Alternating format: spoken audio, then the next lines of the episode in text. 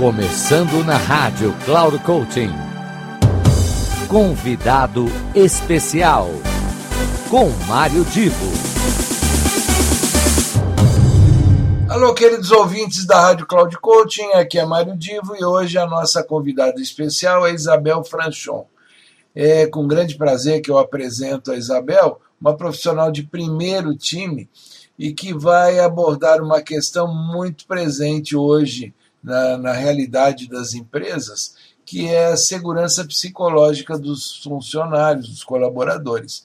Afinal de contas, será que o seu ambiente de trabalho permite que você se manifeste, que você eh, traga idéias ou é um ambiente onde você é, muito cerciado na liberdade de expressão? Enfim, esse assunto é o que traz hoje a nossa convidada especial, de novo Isabel Franchon, e daqui a pouquinho, depois que ela se apresentar, eu volto com mais um comentário.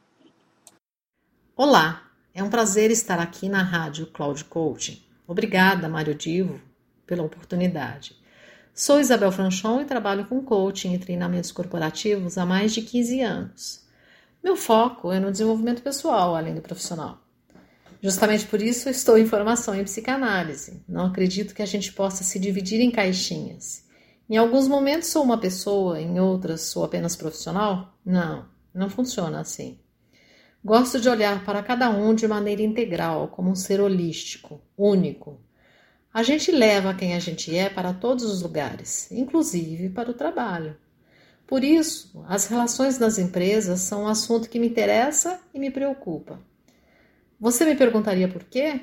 Simples. Porque é no trabalho que passamos a maior parte de nossas vidas. Vamos lá. A gente trabalha mais de um terço do dia, certo? Meu trabalho me dá a oportunidade de ver como as relações ficarão ainda mais difíceis nas empresas após a pandemia. Falta segurança psicológica. A pergunta é: como podemos expressar quem somos se temos medo de nos expor? Um ambiente onde não nos sentimos seguros atrapalha a performance. Mais que isso, é responsável por doenças mentais como ansiedade, depressão, burnout.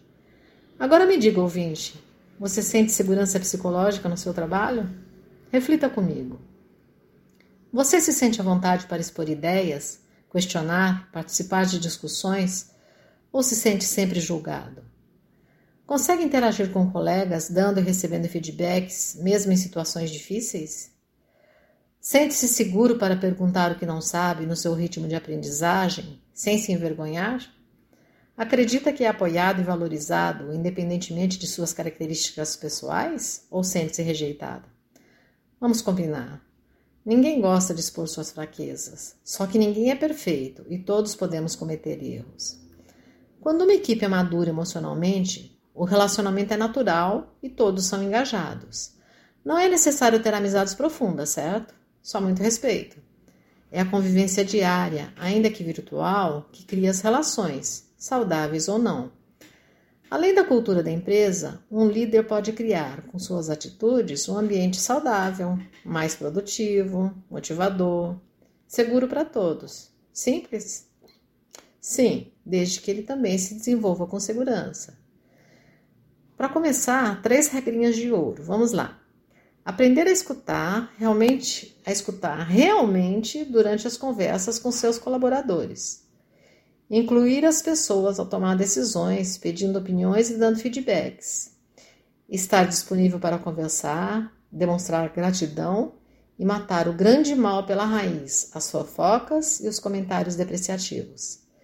Depois do tanto que soffremos com a pandemia, Não precisamos alimentar mais dores no ambiente de trabalho, concorda, mario Dilma? Precisamos ficar bem, seguros e em paz. Se você, ouvinte, quiser conversar comigo, mande um email para e-mail com e Então, muito legal essa apresentação da Isabel, não é mesmo? Assim como ela deu umas dicas interessantes, a Rádio Cláudio Coaching sempre traz aqui outros convidados que vão com certeza mostrar para você caminhos, informações e dicas que podem ser relevantes para o seu cotidiano de trabalho ou mesmo cotidiano pessoal. Até a próxima vez. Final do programa Convidado Especial.